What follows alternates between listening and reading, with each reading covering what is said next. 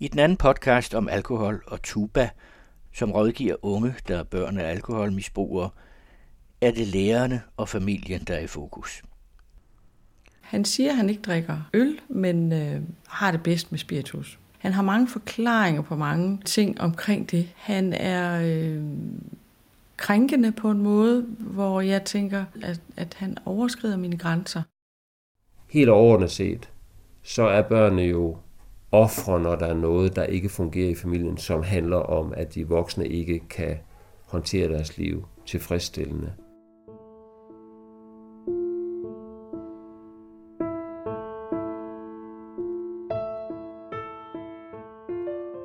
I den anden udsendelse om alkoholmisbrug i familien fokuserer vi på de pårørende.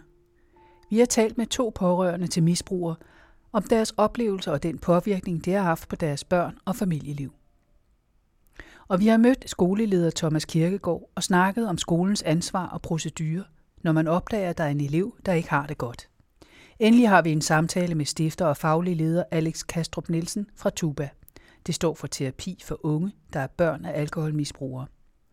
Alex Kastrup Nielsen taler om, hvordan man i Tuba opfatter alkoholmisbrug, og hvordan man arbejder med de pårørende i forhold til de unge. Vi begynder med Gitte og Claus, der begge har personlige oplevelser med at være partner til en misbruger. Han er meget jaloux, og det betyder, at jeg afgiver rigtig mange af mine sociale relationer og begynder at være mere i hans sociale relationer. Han har startet sit eget firma, og det betyder også, at han øh, er meget væk. Han er faktisk væk øh, nogle gange 24 timer. Og jeg begynder at tænke på, om han har en anden.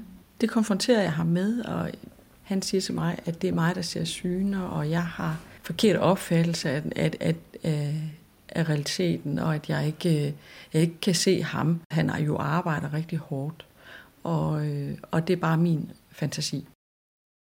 Min oplevelse er, at for det første er alkoholproblemet det er et snigende problem, der kommer, øh, uden at man faktisk er helt klar over, at det er der. Øh, og hvornår det så begynder at blive et problem, og mængden og hyppigheden, den, øh, den er der, den er meget, meget svær at identificere, den grænse. Det, det optrådte faktisk først øh, ret sent for mig, den erkendelse, hvor det gik op for mig, at, øh, at øh, mit barns mor havde en, et, øh, et alvorligt alkoholproblem. Vi fik Emilie øh, i 96. Og øh, der øh,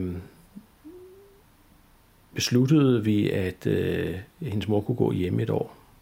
Hendes mor var i en, en ret højt gearet branche, hvor man øh, havde en god del fester, og øh, hvor alkohol var en del af, af, af det miljø. Øh, men efter hun begyndte at gå hjemme, øh, så blev dagligdagen øh, gradvist øh, sværere og sværere at få til at fungere. Tossede problemstillinger om meget små detaljer, som pludselig ikke fungerede. Jeg havde et job, hvor jeg var en del, del ud at rejse, men øh, jeg kunne, kunne jo se, når jeg kom hjem fra en rejse for eksempel, der var altid klar til blæskift. Der var aldrig en ren numse, for eksempel. Og jeg kunne også øh, godt høre lidt snøvlen i telefonen, og hvilket jo selvfølgelig er meget bekymrende. Men selv om de ting var sådan, så havde jeg med min baggrund ikke rigtig erkendt, at der faktisk var et alkoholproblem. Der var bare en bekymring. Hans økonomi havde jeg slet ikke noget overblik over. Vi havde hver vores økonomi, og det var mig, der betalte huslejen for eksempel. Vi havde faktisk aldrig rigtig nogen penge, og jeg synes, han har arbejdet meget. Øh, så blev jeg gravid igen, og det var jeg jo virkelig, virkelig glad for. Jeg kan huske, at jeg fortalte ham det, og der var han ikke helt så begejstret, som jeg var. Og jeg kan huske, at sundhedsplejersken hun sagde, et barn er fint, men to. Og så kiggede hun på mig med et blik, som jeg stadigvæk kan huske. Jeg tænkte, det var da mærkeligt. Altså, hun havde slet ikke den der glæde, som jeg havde. Havde hun set noget andet end Hun havde set noget andet, end jeg havde. Alex Kastrup Nielsen, faglig leder i Tuba, forklarer, hvordan de betragter alkoholmisbrug. Det er meget, en meget kompliceret ting, det at udvikle et alkoholproblem. Jeg tænker, at, at, at, øh, at det at udvikle et alkoholproblem ofte hænger sammen med det, at man har lært sig eller finder ud af, at alkohol kan hjælpe mig i nogle, nogle af de ting, jeg har, der er udfordrende i mit liv. Enten det er, at det kan dulme nogle smerter, eller det kan gøre, at jeg synes, jeg fungerer bedre socialt, hvis jeg får lidt at drikke, når jeg er ude osv. Eller andre ting. Og det, og det kan udvikle sig efterhånden, at, at det bliver mere og mere, jeg skal have det, og efterhånden så, så, så finder jeg ud af, jeg, nu fungerer jeg faktisk ikke særlig godt uden, og så kan det udvikle sig til at blive en afhængighed. Så på den måde, så, øh, så tænker vi, at, at, øh, at det skyldes mange psykiske og, og, og sociale ting, og man udvikler, sig, udvikler et alkoholproblem eller ej. Og så er det sikkert også sådan, at vi sådan rent øh, fysiologisk og arvemæssigt er disponeret på forskellige vis. Altså der sagtens kan være nogen, der er mere disponeret for at øh, få alkoholproblemer, andre måske mere disponeret for at få stofproblemer, eller andre igen for ludomani, eller, eller det at blive afhængig af rygning, eller hvad det nu er. Altså der, der tænker vi også, at, at vi mennesker er forskellige, og at der, hvor man går hen og bliver afhængig af noget, som ikke er særlig positivt for en, det er der, man skal være rigtig opmærksom. Og i virkeligheden noget af det, der er jo allervigtigst og allersværest, det er det der med, når man begynder at ane, at man får problemer med noget, at man så kan erkende det og, og kunne få hjælp til det, hvis det er nødvendigt for at komme ud af det. Ikke? Vi lægger meget vægt på det med, at det enkelte menneske har, har unik værdi og skal behandles med respekt, og at øh, vi ikke er eksperter på, altså på andre menneskers liv, heller ikke dem, som har haft, har, har haft eller har alkoholproblemerne. Det kan vi ikke være, fordi vi ved ikke, hvad de har været igennem. Og, mm, så øh, jeg synes, det går igen, og jeg håber, det går igen i vores måde at møde mennesker på i det hele taget. Thomas Kirkegaard er skoleleder på Lønge Skole i Lønge, en landsby i Nordsjælland, og samtidig er han tilknyttet SSP i Allerød Kommune, skole, socialforvaltning og politi. Han fortæller om den procedure, der går i gang i dag, når man kan mærke, at der er noget i vejen med et barn.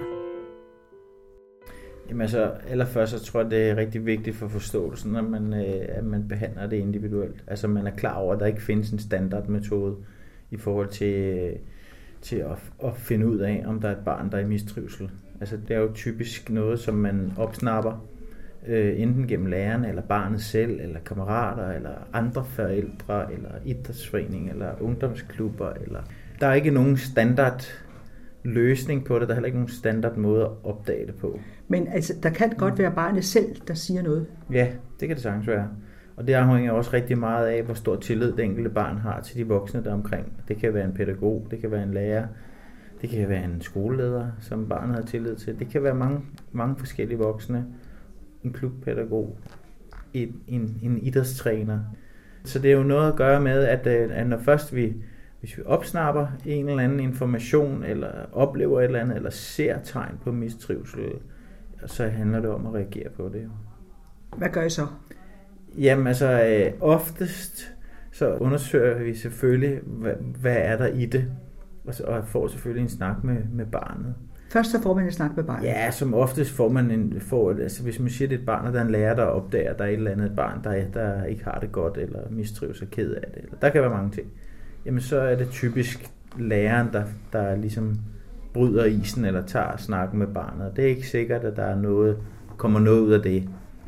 Og så øh, har vi som udgangspunkt øh, den procedure eller grundregel eller værdi, at vi kontakter forældrene mm. og siger her, vi har brug for at snakke med jer, for vi kan se, at barnet ikke er i trivsel. Og det kan vi dokumentere på baggrund af nogle hændelser. Ja, for I kender jo ikke nødvendigvis forældrene, vel? Eller måske Nej. kun den ene forælder. I kan ja. jo ikke vide alt, i, hvad der foregår ikke. hjemme. Overhovedet ikke. Og derfor så er det så vigtigt at få forældrene på banen med det samme. Og, øh, og komme ind i en dialog og øh, få snakket igennem. Og så er det klart, så er der nogle ting, hvor vi får mistanke om nogle alvorlige ting. Altså nogle, nogle rigtig slemme ting. Og der er en klar procedure i forbindelse med den nye underretningspligt. Mm at, øh, at der skal man underrette, uanset om øh, altså alene på, på mistanke og alene på bekymring. Og så må øh, de sociale, altså socialvårds, det er så vores familieafdeling i Allerød Kommune, det er så dem, der må vurdere alvoren i det. For hvis det er mm. slemt, ja. så lad skolen det gå videre til kommunen. Det skal vi.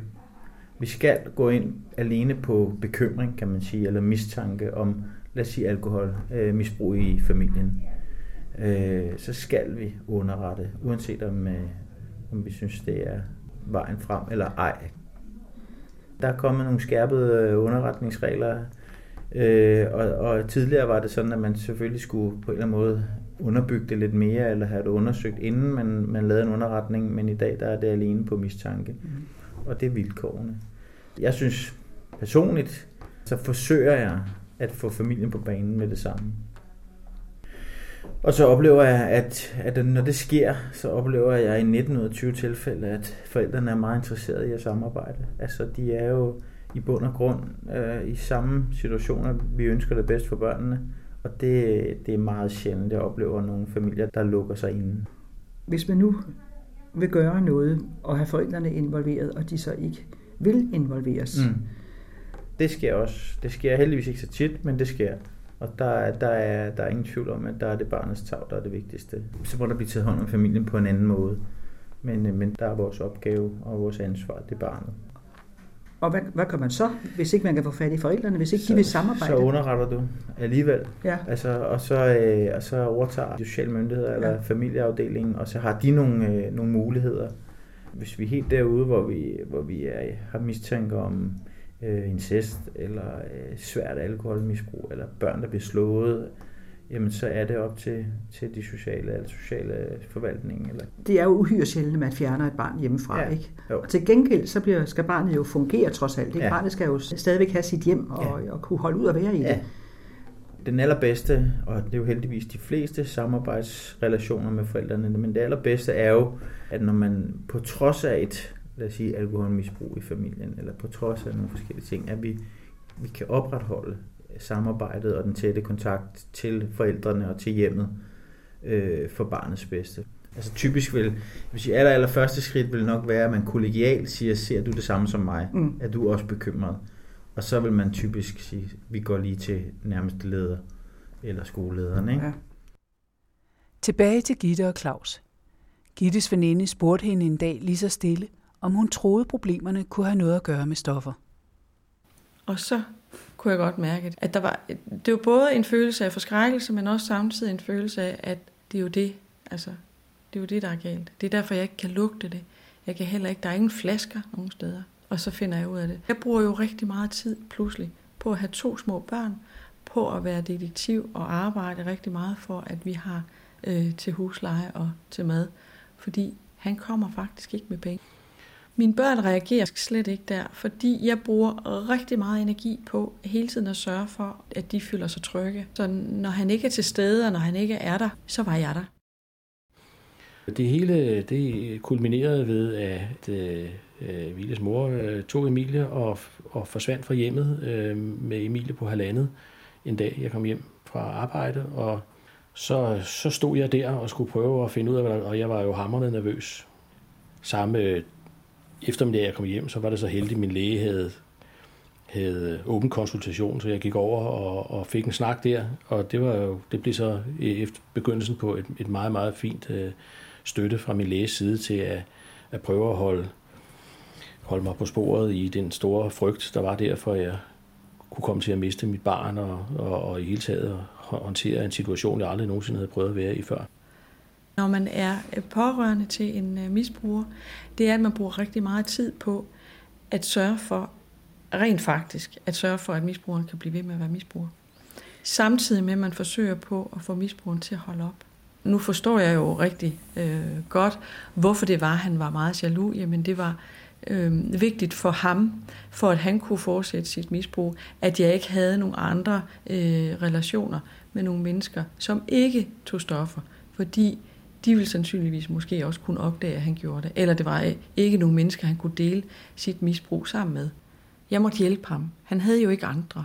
Så det måtte jeg gøre. Men det kunne jeg jo ikke. Øhm, vi flytter på et tidspunkt, og, øh, og det betyder, at jeg kommer til en bydel, hvor der er øh, startet noget øh, anonymt rådgivning. Og alle steder, jeg henvender mig til, er den samme øh, besked, det er, Jamen, du kan jo ikke få nogen til at stoppe, hvis de ikke selv vil. På det tidspunkt, der var praksis i statsamtet, som jeg tror det hed dengang, og nu hedder det statsforvaltningen, ikke? Det var, at man, barnet var hos moren, og man fulgte reglerne, og øh, øh, den praksis var sådan. Med, med god støtte fra min, min læge, så fik jeg at vide, at jeg skulle samarbejde, samarbejde, samarbejde og samarbejde. Og i det ligger der, at man skal faktisk gøre, hvad modparten foreslår, for det, det handler om, er ikke ens selv, men om bevare kontakten til sin barn, og det gør man kun ved at øh, tage tæskene, så at sige. Så det gjorde jeg. Efter øh, Emilie øh, var startet i skolen, hvor Emilies mor hentede børn fra forskellige arrangementer øh, og lugtede alkohol og ikke kunne styre bilen ordentligt, og at øh, andre forældre rent faktisk havde meldt hende til politiet, som sagde, at vi kan ikke gøre noget, medmindre vi tager hende på færre skærning. Så begynder øh, forældrene jo, at der, der er jo tabu omkring det her, så, så siger de, at ah, vi, skal nok, vi skal nok hente denne gang, og så videre, og så videre. Og den måde, så bliver problemet jo trukket meget langt. Men der var et øh, enkelt forældrepar, som, øh, nej, der var faktisk to forældrepar, som henvendte sig til skolen, uden at det havde udløst nogen handling. Øh, det andet forældrepar Øh, havde så stort moralsk mod vil jeg sige, at de faktisk øh, henvendte sig til kommunen skriftligt og lavede en, en underretning til kommunen, øh, som godt nok satte en enkelt konsulent på det. Jeg fik ikke noget at vide. Øh, det er noget, jeg har fået at vide efterfølgende, selvom vi havde fælles forældremyndighed. Jeg fandt ud af det via det forældrepar, at der var noget i gang her, og det var altså en, en underretning, der handlede om, om Emilies mistrivsel. Emilie har gået i 3. og 4. klasse, og øh, hun går i gymnasiet i dag. Hun går i gymnasiet i dag, ja. Og der øh, bad jeg om et møde med kommunen og kom til møde med, med den konsulent, der havde med sagen at gøre, som sagde, at han ville undersøge situationen. Han sagde, at der var kommet en henvendelse. Det viste sig, at hans undersøgelse var, at han skrev et brev til skolen og hørte, hvordan det gik. Skolen svarede jo selvfølgelig tilbage, det går rigtig godt, fordi øh, Emilie hun var så glad for at gå i skole, og det var hendes trygge base. Så hun har selvfølgelig været en mønsterelev. De kunne måske have bemærket, at hun ofte havde beskidte negle og uvasket hår og kom i det samme tøj, men det havde de ikke bemærket. Så der kom ikke mere ud af den sag. Men da jeg opdager, at øh, jeg kan ikke gøre noget, det gør jeg faktisk først, da jeg møder en psykolog, som fortæller mig, at det er meget, meget sjældent, at det er ægtefælden, der får øh, misbrugeren til at holde op. Jeg tænkte, jamen så er hele mit arbejde jo spildt. Jeg har øh, sørget for, at den her familie har, øh, har fungeret, så der stort set ikke er nogen, der har opdaget, at der rent faktisk er øh, en stor dysfunktionel øh, miljø i, i vores lille familie. Øh, så jeg besluttede, at jeg måtte gå hjem og, og holde virkelig fast i, at han skulle stoppe det her, for ellers så måtte jeg handle. Så måtte jeg handle på pigerne og min egen vegne, fordi nu kunne jeg ikke hjælpe ham længere. Siden december 2010 har fagpersoner haft en skærpet underretningspligt til kommunen, hvis de oplever, at børn mistrives. I september 2014 har Tuba fået foretaget en lærerundersøgelse. Her fremgår det, at blandt andet de fleste lærere har prøvet at være bekymret for alkoholproblemer i en elevs hjem. Lidt under halvdelen af lærerne har valgt ikke at tale med eleven, og kun en tredjedel har snakket med elevens forældre. Så er der noget, der tyder på, at ikke alt kommer frem i lyset. Tabu, skam og berøringsangst kan være nogle af årsagerne. I Tuba er de unge i centrum, men det er naturligvis nødvendigt at forholde sig til hele familien. Alex Kastrup Nielsen forklarer, hvordan de møder forældrene. De fleste forældre til de unge, der kommer hos os, som har drukket, de drikker stadigvæk. De forældre, vi møder, er typisk dem, som ikke har haft et alkoholproblem. Også nogle af dem, som måske har haft det, men har holdt op, men det er ikke, det er ikke de fleste. Så de fleste af de forældre, vi møder, det er nogen, øh, som øh, har været partner til en, som har drukket for meget. Og for mange af dem er det jo en, en lettelse, at deres barn kan få hjælp til det, som de godt ved, de har været en del af. Og måske har de også dårlig samvittighed, måske skammer de sig også over det, og måske tænker de også, hvad kunne jeg have gjort anderledes i mit liv? Så, men i det mindste det, at, at deres, øh, deres barn kan få hjælp og få det bedre med de ting, de går og slås med, kan være en stor lettelse for dem også.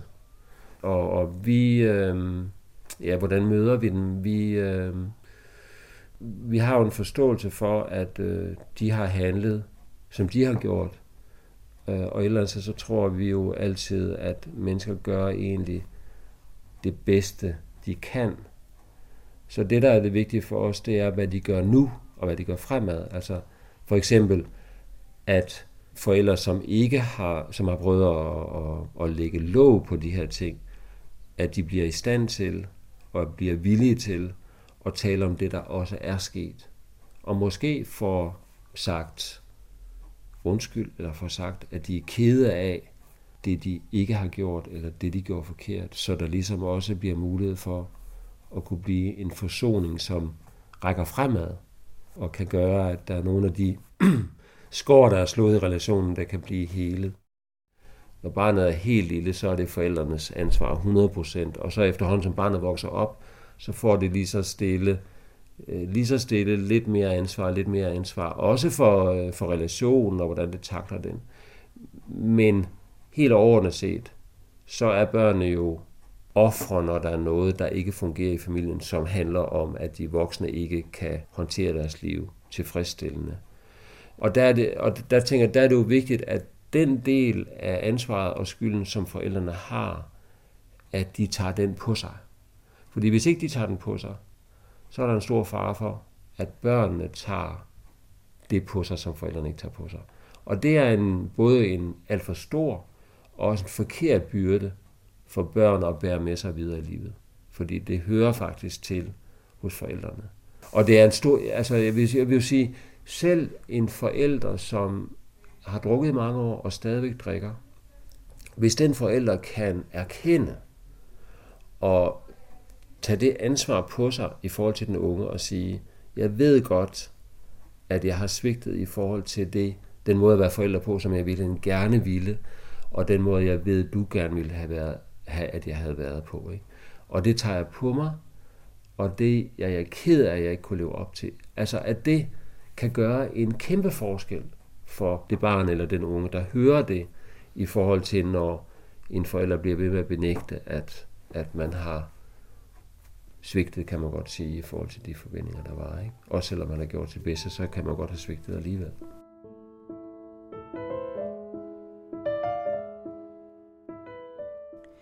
Gitte og Claus oplever begge nogle afgørende vendepunkter i deres liv, da deres tidligere partner foretager nogle handlinger, der er direkte forbundet med deres misbrug. Og så øh, på et tidspunkt i 2006 7 øh, stykker, der sidder jeg en aften hos min daværende kæreste og får en telefonopringning. Og det er så Emilies mor, der ringer og siger, øh, Claus, jeg bliver nødt til at snakke med dig. Jeg har fået et alkoholproblem. Og så tænkte jeg, det var dog fantastisk. Det er den bedste opringning, jeg har haft i overvis. Nu kan vi måske gøre noget. Jeg sagde bare, jamen, øh, det var dog fantastisk, du fortæller mig det. Hvad, hvad, hvad, hvad kan vi gøre ved det? Jamen, øh, om jeg kunne have øh, Emilie i nogle uger, fordi hun havde besluttet sig til, hun ville noget behandling. Og selvfølgelig vil jeg det, og du skal bare sige til. Øhm, det viste sig jo så, at øh, det var noget med pistolen for panden opringning, fordi hun var øh, en morgen blevet taget med en meget høj øh, alkoholpromille på vej til arbejde. Øh, den har til synligheden været sådan, at hun havde fået valget mellem enten at opholde sig det ene sted, eller få noget behandling et andet sted. Og det var det, det drejede sig om. Men for mig er det sådan set fuldstændig ligegyldigt. Det var jo den gyldne mulighed, det var for at få noget fornuftigt ud af den her situation. Og øh, Emilie flyttede ind her, og øh, øh, hendes mor kom i behandling på Majorgården, som jo havde en ekstrem professionel tilgang til de her ting.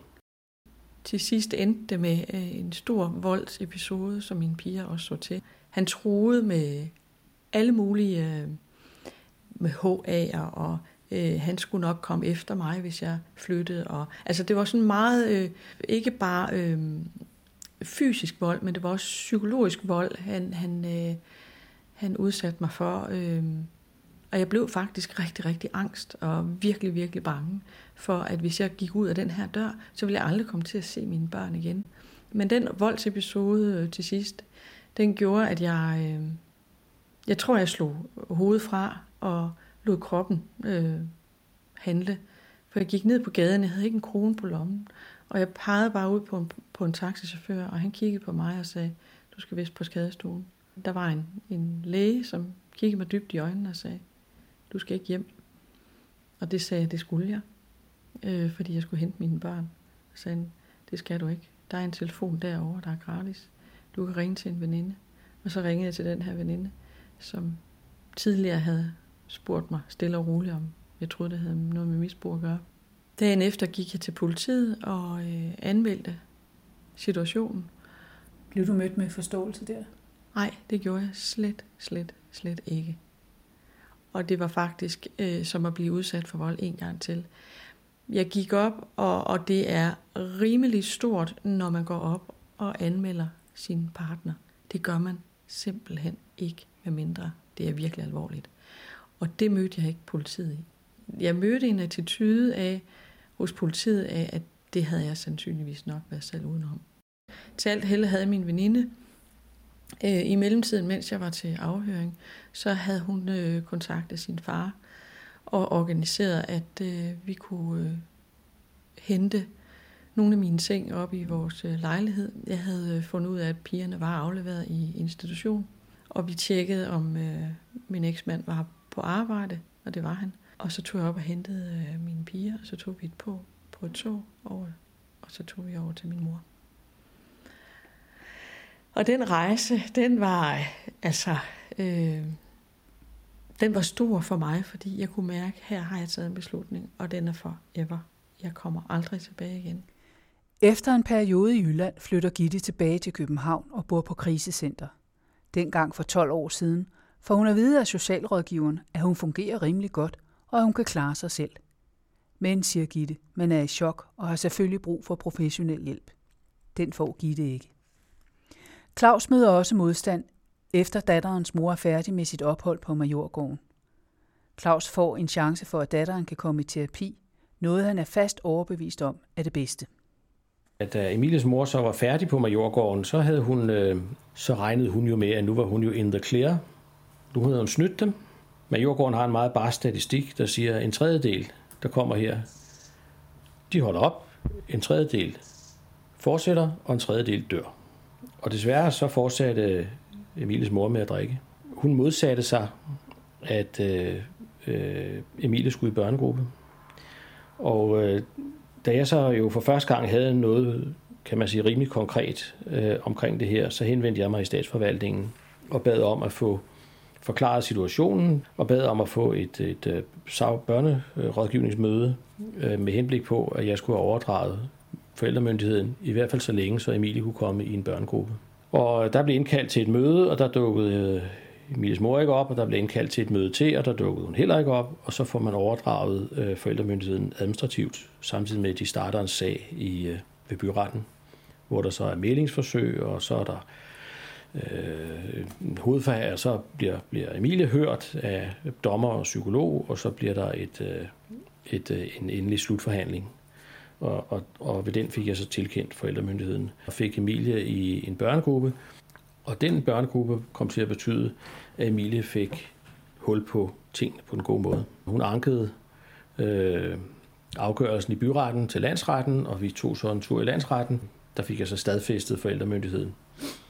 Og det udløste så af, desværre, at, øh, at hendes mor øh, jo måske i stigende grad drak mere, og øh, endte jo faktisk med at dø af det øh, i 2011. Som Claus tidligere har fortalt, mødte hans datter op i skolen, beskidt og snavset, men der reagerede ingen. Skoleleder Thomas Kirkegaard. Der kan sagtens være børn, vi ikke opdager. Altså, det, det kan man jo ikke udelukke. Altså, der kan jo sagtens være børn, der, der beskytter både øh, deres familie og deres søskende og dem selv så meget, at de er rigtig dygtige til at holde det skjult, og vi aldrig ser det, eller man ser det først, når de bliver voksne, eller... Altså, det, det, det er klart, det skal jo ikke udelukke. Og vi opdager sikkert ikke alle. Så naiv er jeg heller ikke. Jeg tror på, at der godt kan være børn, der, der på et eller andet tidspunkt i deres liv har det rigtig vanskeligt og har det rigtig svært, som, som klarer sig igennem en skoledag og bryder sammen, når de kommer hjem. Ja, og det ser I altså ikke. Det ser vi jo ikke på samme måde, og hvis, de er rigtig dygtige til at holde skjoldet eller an, hvad hedder det, ansigtet rundt omkring, uden at, uden at falde i. Men, men der plejer at være en voksen, som på et eller andet tidspunkt enten opdager et eller andet, eller hvor, det, hvor barnet betror sig. Der plejer at være en, som gør en forskel. Mm. Det er i hvert fald mit håb.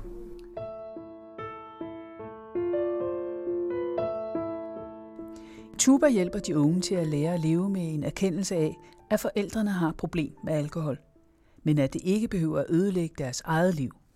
det højeste ønske for, de, for mange af de her børn, det er jo netop, at deres far eller mor skal holde op med at drikke, og at man så kan få en, en normal familie, kan man sige, som fungerer. Og øh, vi, vi siger, vi skældner for eksempel, vi, vi, når vi snakker med de unge omkring det her med udsigterne, kan vi snakke med dem om det her med forskellen på at have et ønske og et håb, hvor vi siger, at selvfølgelig har du et ønske om, måske dit højeste ønske i virkeligheden, at din far eller din mor skal holde op med at drikke. Og det er ligesom, det sidder meget dybt i dit hjerte, og det er fint og naturligt og almindeligt og så videre. Og det er helt okay.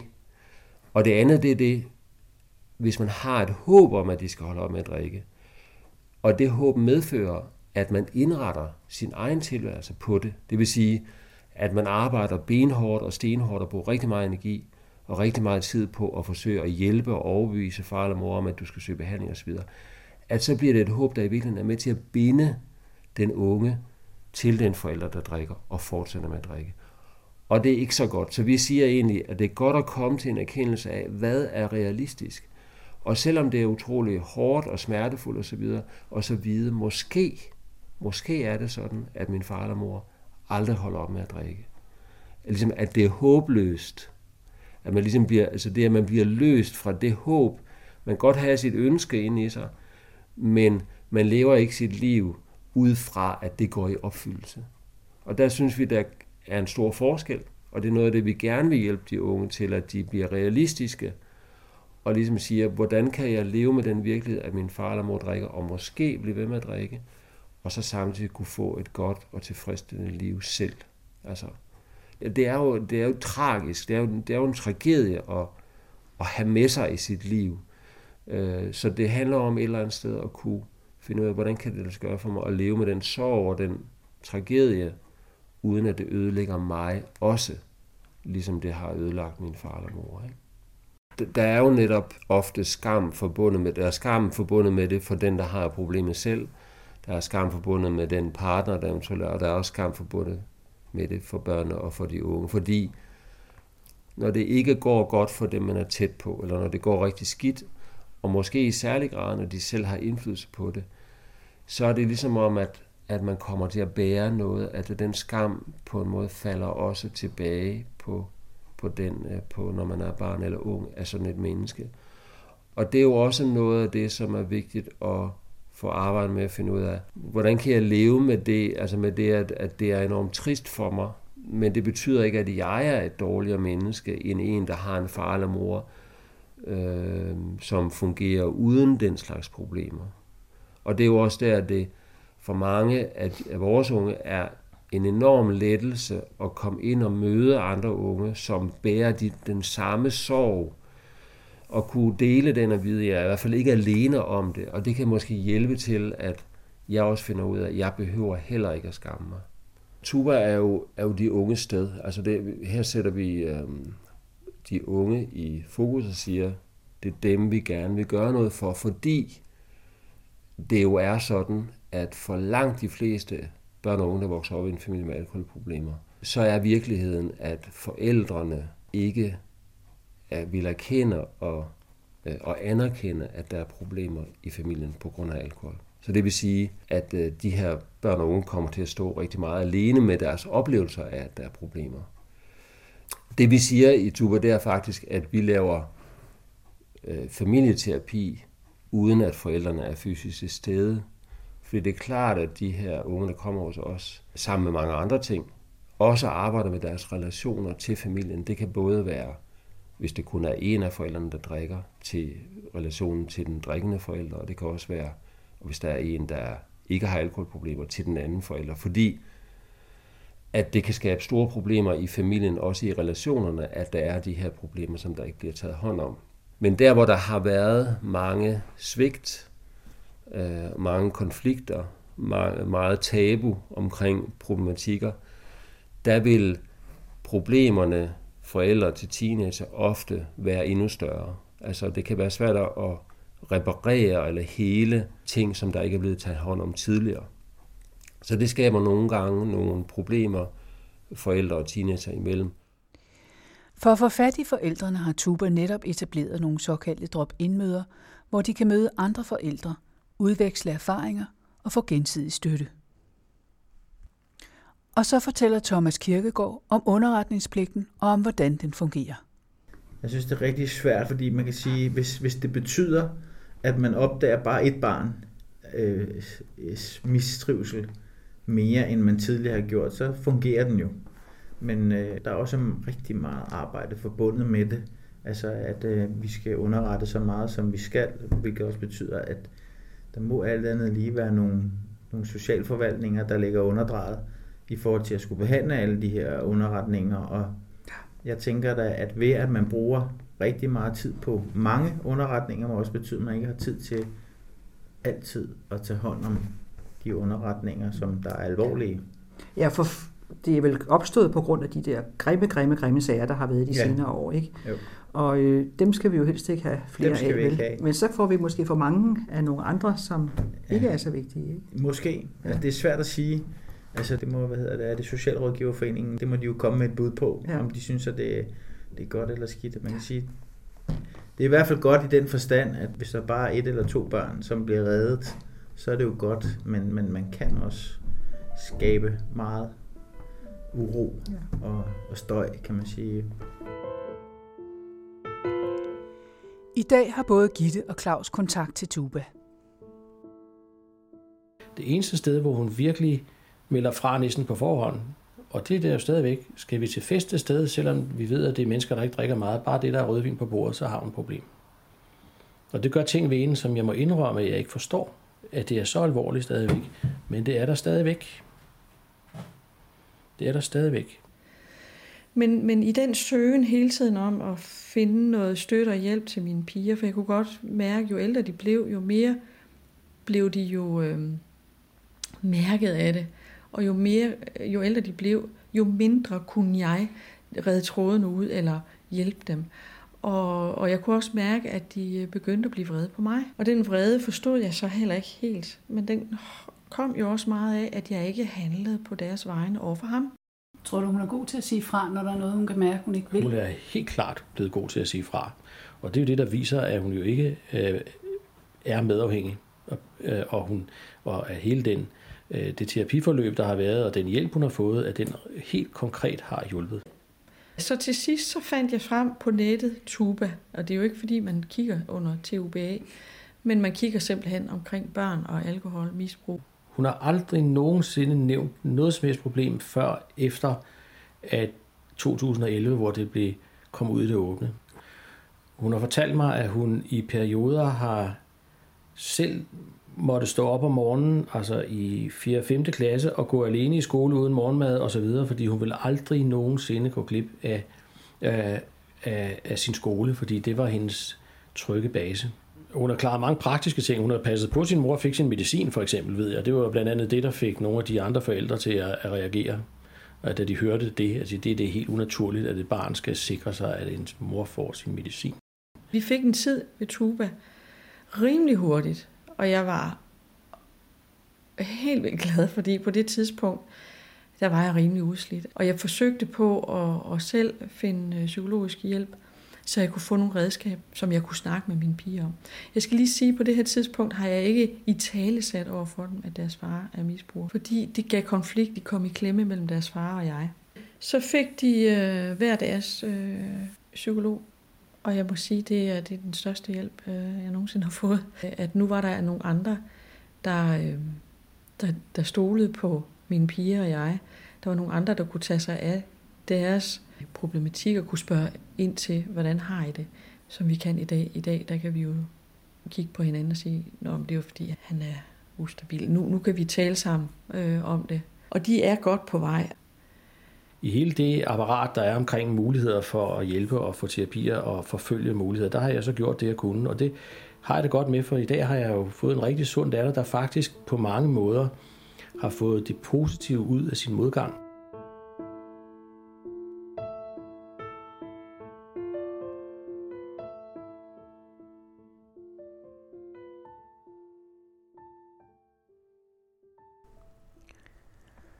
På vores hjemmeside kan I læse mere om de medvirkende og se links til blandt andet Tuba. Anne Eggen havde tilrettelagt.